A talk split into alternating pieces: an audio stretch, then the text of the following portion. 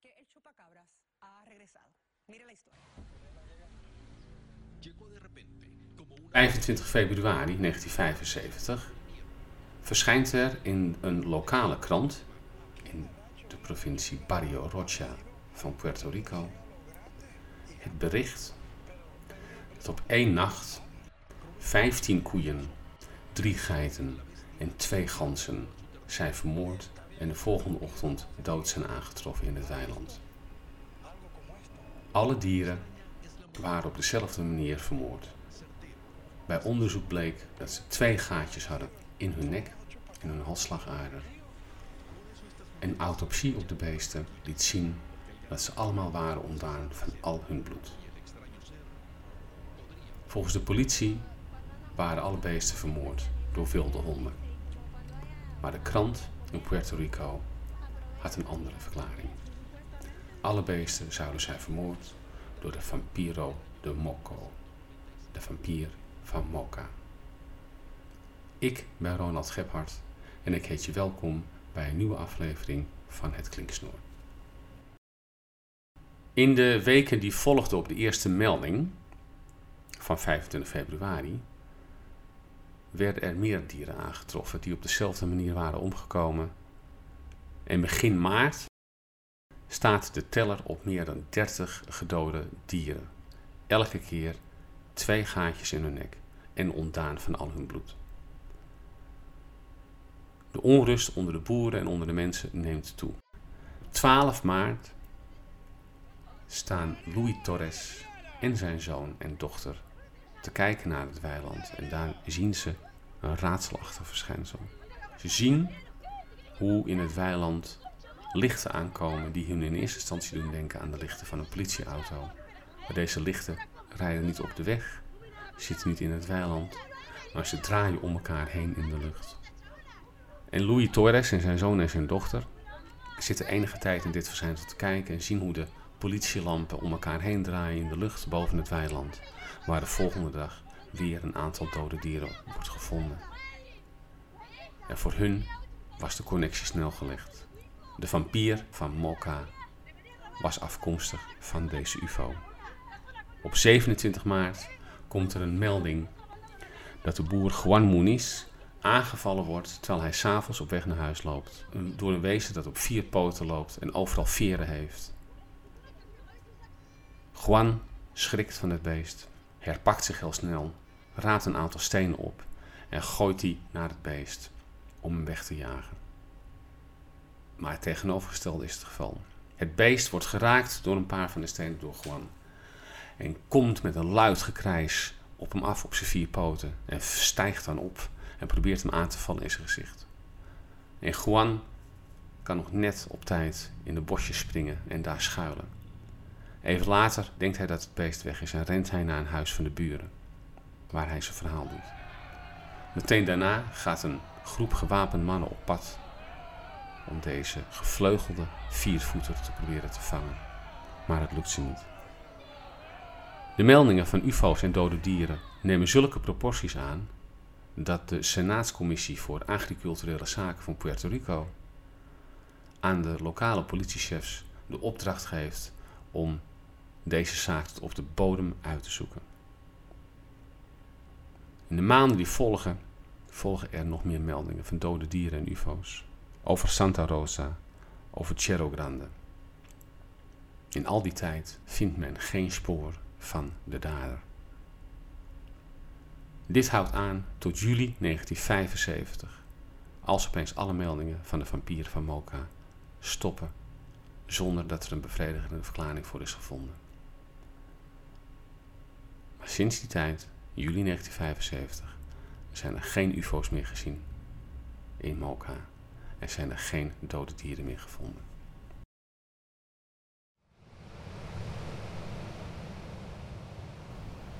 Wanneer je op het strand staat van de stad Dumaguete in de Filipijnen en je kijkt uit over de zee, kun je vijf eilanden zien. De vijf eilanden die je zien kunt zijn Negros, Cebu, Bohol, Mindanao en Siquijor. En Dumaguete wordt door de plaatselijke VVV aangeprezen als de stad van de zachte mensen. Dumaguete is hoofdstad van de provincie de Negros Occidental. En vlakbij de stad Dumaguete ligt de stad Santa Catarina. Elk jaar op 24 april vindt daar het Pacol Festival plaats, wat in het teken staat van de heilige Catalina. En als onderdeel van het feest van Santa Catalina op 24 april wordt elk jaar ook een nieuwe Santa Catalina gekozen. Op het eiland van Negros, waar Dumaguete dus de hoofdstad van is, is de naam Catalina overal bekend. En in de kustplaatsen als tyfoons langskomen en het water van de zee de stad dreigt te overstromen, wordt gebeden tot Catalina om de mensen te beschermen en te redden. Deze Catalina leefde lang geleden in Dumaguete en ze was de dochter van een arme man die Banok heette. En Banok had niet veel geld, maar hij wist wel een ander ding heel goed te doen. Hij maakte tuba. En tuba is een drank die in Azië en Afrika op veel plaatsen voorkomt. Het is wijn gemaakt van kokosnoten. En als je een goede tuba weet te maken en een goede tuba weet te schenken, zullen de mensen daar je ook enorm dankbaar voor zijn. Tuba wordt tegenwoordig in, in, in twee varianten verkocht. Je hebt de gewone wijn, om het zo maar te zeggen. En je hebt een tuba die gemaakt wordt met een uh, bast van een roodkleurige boom. Deze bast van de roodkleurige boom heet toengoed en die zorgt ervoor dat de tuba een stuk sterker wordt. Banok deed dat niet. Men deed in die tijd nog niet het extra destilleren van deze kokosnootwijn. En Banok wist wel hoe hij een goede tuba kon maken. En als mensen, als hij langsliep op straat, de mensen wouden een glas tuba hebben, dan serveerde hij dat uit een lange bamboestam, zoals het daar gebruikelijk is. Banok was arm, maar door wat hij kon met de tuba was hij door iedereen wel gerespecteerd. En Catalina groeide op als een mooie jonge dame. Maar overal waar ze kwam, moesten mensen naar lachen. Om haar schoonheid, om de zachtheid die ze bracht. Er was wel wat eigenaardigs met haar aan de hand. Ze zei niet zoveel.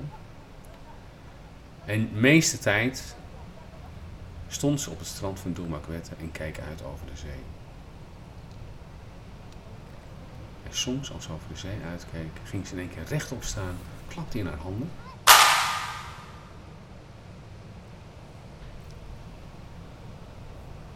En bleef ze stokstijf staan. Alsof ze in één keer iets aan zag komen dat niemand anders kon zien. Mensen vonden haar dus wel mooi, maar ook een beetje vreemd en mysterieus. En ze dachten ook dat ze wel bijzondere krachten zou kunnen hebben. Nu was de Filipijn in die tijd ook het terrein van verschillende stammen die door middel van piraterij hun macht en hun positie probeerden uit te breiden. En op een dag kwam van het eiland Mindanao een groep piraten die Moros werd genoemd. En de Moros vielen Dumaguete binnen. En ze namen onder luid geschreeuw, onder luid gezwaai met hun wapens, vielen zij de vredige en zachte mensen van Dumaguete aan. En bijna alle mannen werden gedood, waaronder Banok, de vader van Catalina. En de Moros namen alle kinderen en vrouwen mee, dus ook Catalina. En samen met andere vrouwen en kinderen werd ze in een van de boten van de Moros gezet, maar waar de andere vrouwen en kinderen allemaal in paniek waren, riepen om hun vaders, om hun mannen, om hun broers, om hun echtgenoten. Bleef Catalina alleen maar over de zee uitkijken. En op een gegeven moment richtte ze haar ogen alleen maar omhoog naar de hemel. En ze zei verder niets. En op de helft van de tocht tussen Dumaguete en Mindanao stond Catalina in één keer op. En stapte ze uit de boot. Maar ze zong niet. Een mysterieuze macht zorgde ervoor dat Catalina op het water kon lopen. En terwijl ze haar ogen steeds naar boven had gericht, liep ze langzaam terug naar de kust, naar Dumaguete. En toen ze aan land kwam, liep ze door het dorp heen. Het vrouwen verlaten was.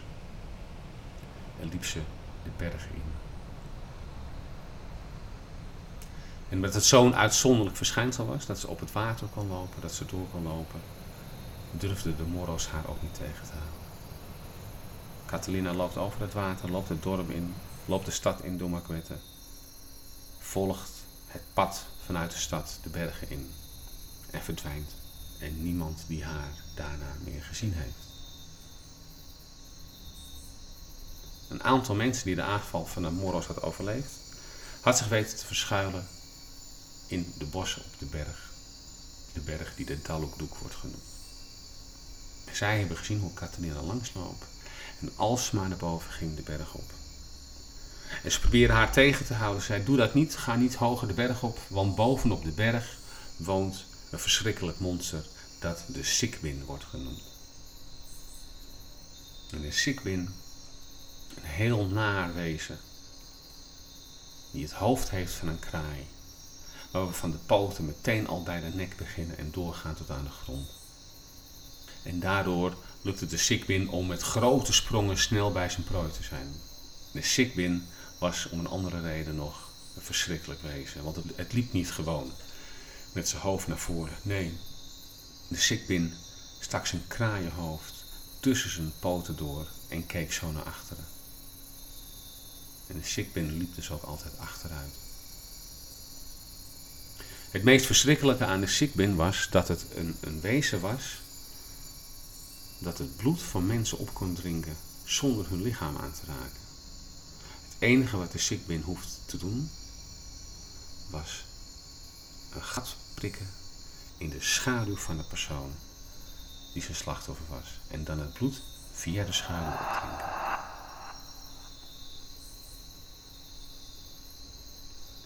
De mensen die dus zich hadden verscholen in het bos zagen Catalina lopen en probeerden haar tegen te houden.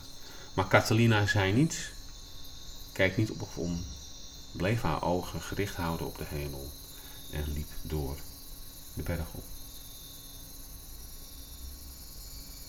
Door de witte jurk die ze aan had, konden mensen haar nog lang volgen, tot ze haar ook niet meer konden zien.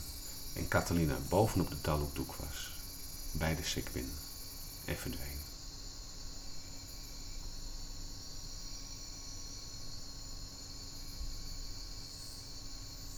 Even was het stil. Mensen overlegden met elkaar wat ze moesten doen. Moesten ze achter haar aan? Moesten ze Catalina, deze vreemde jonge vrouw die weinig zei en alleen maar omhoog keek, proberen te redden?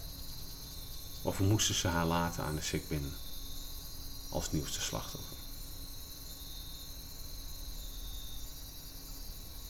Maar op een gegeven moment horen ze een luid gegil van bovenop de berg. En men zag hoe de Sikbin angstig en geschrokken de berg af kwam rennen. Met zijn hoofd tussen zijn achterpoten, achterstevoren. En al gillend maakte de Sikbin zulke grote sprongen. Dat hij binnen een paar stappen uit het bos was op het strand van Dumaguete. En toen hij bij het strand was aangekomen, stapte de Sikbin op het water. Zonder er doorheen te vallen. Door de snelheid die hij had. Met grote stappen wist de Sikbin weg te komen van Dumaguete. En was Dumaguete bevrijd van de vloek van de Sikbin.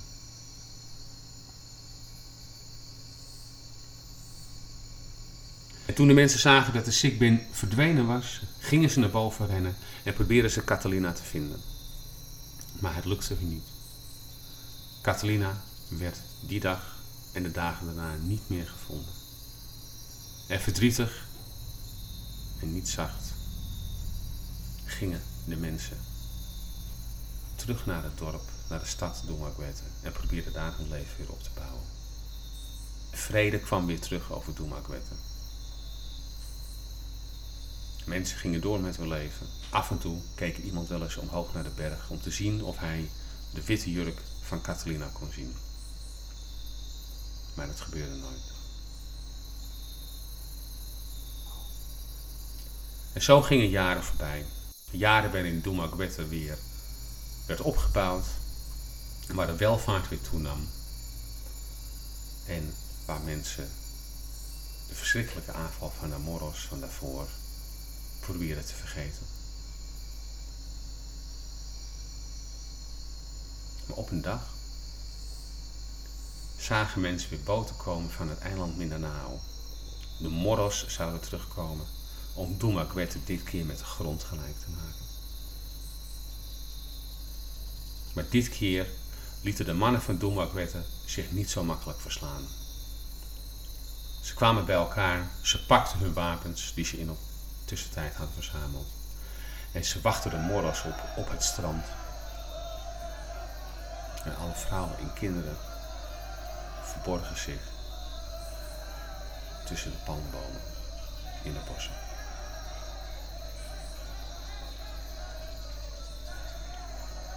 De mensen van Dumaguete waren bewapend met onder andere bollos en wisten nog heel goed, of voelden weer heel goed, hoe de Moros de vorige keer alle vrouwen en kinderen hadden meegenomen. En ze gingen in een zwaar gevecht met de Moros voordat die nog hun boot konden verlaten. En voor een tijd lukte het de mensen van Dumaguete om de Moros tegen te houden. Maar op een gegeven moment kwamen er meer boten van de Moros aan. En de Moros waren in grote overmacht. En ze stonden op het punt om de mannen van Dumaguete op het strand te verslaan. En de stad met de grond tegelijk te maken. En op dat moment komt er van de berg met dan een grote stroom wolken aangerold. En bovenop die wolken staat in haar witwieren Catalina. En Catalina heeft in haar hand een hele grote bijenkorf. Die houdt ze met één hand vast. En ze kijkt omhoog, terwijl ze meezweeft op de wolken naar beneden. En als ze vlak bij het strand is, richt ze haar blik op de Moros. En voor het eerst in jaren hoorde men Catalina iets zeggen, maar wat wisten ze niet, want het was in een taal die de mensen niet begrepen. En uit de bijenkorf komen duizenden, tienduizenden bijen uitgevlogen en die vliegen naar het strand en landen op het strand. En op het strand aangekomen en geland veranderden alle bijen in kleine zwarte mannen die negritos hadden genoemd. Duizenden, tienduizenden van deze kleine zwarte mannen stonden op het strand met hun schild en hun speer. En weer zegt Catalina iets. Ze zwaait met haar hand. En de kleine negritos beginnen de moros aan te vallen en tot op de laatste man te vermoorden. En het strand en het, de zee bij Dumaguete kleurt op dat moment rood van het bloed van de moros. De negritos kennen geen genade. Het zijn niet de lieve en zachte mensen van Dumaguete. Het zijn harde krijgers die daar strijden met de moros. Op het moment dat de laatste moros is gedood, geeft Catalina weer een commando. Ze zwaait met haar armen.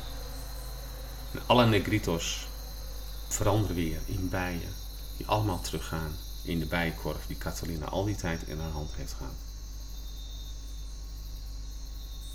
En als de laatste bij weer terug is in de bijenkorf, trekken de wolken zich weer terug naar de berg. Catalina met zich meenemen. En de vrouwen en kinderen van Dumaguete komen weer uit de schouwplaats. De mannen leggen hun bollo's neer. En mensen vieren feest. En ze zijn blij. Want Catalina heeft hun voor eens en voor altijd van de moros gered. Sinds die tijd is de sikwind niet meer teruggekomen. Sinds die tijd zijn er geen aanvallen meer geweest van moros. Elke keer als er gevaar dreigt voor de stad van Dumaguete, bieden de mensen tot Catalina. En elk jaar op 24 april wordt er in Santa Catalina een nieuwe Catalina gekozen voor een jaar.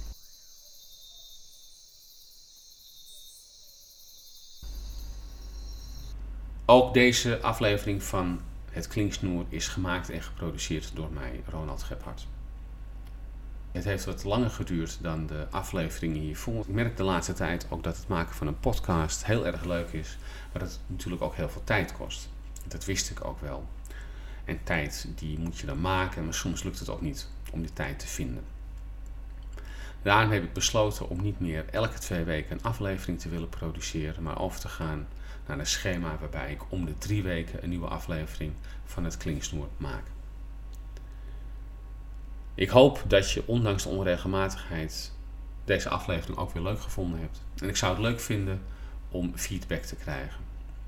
Dus laat commentaar achter via iTunes, via SoundCloud, via Stitcher of op welke manier je deze podcast ook luistert. Mailen kan natuurlijk ook naar klinksnoer.gmail.com. En over drie weken hoop ik je weer te verwelkomen als luisteraar van het Klinksnoer. Tot dan.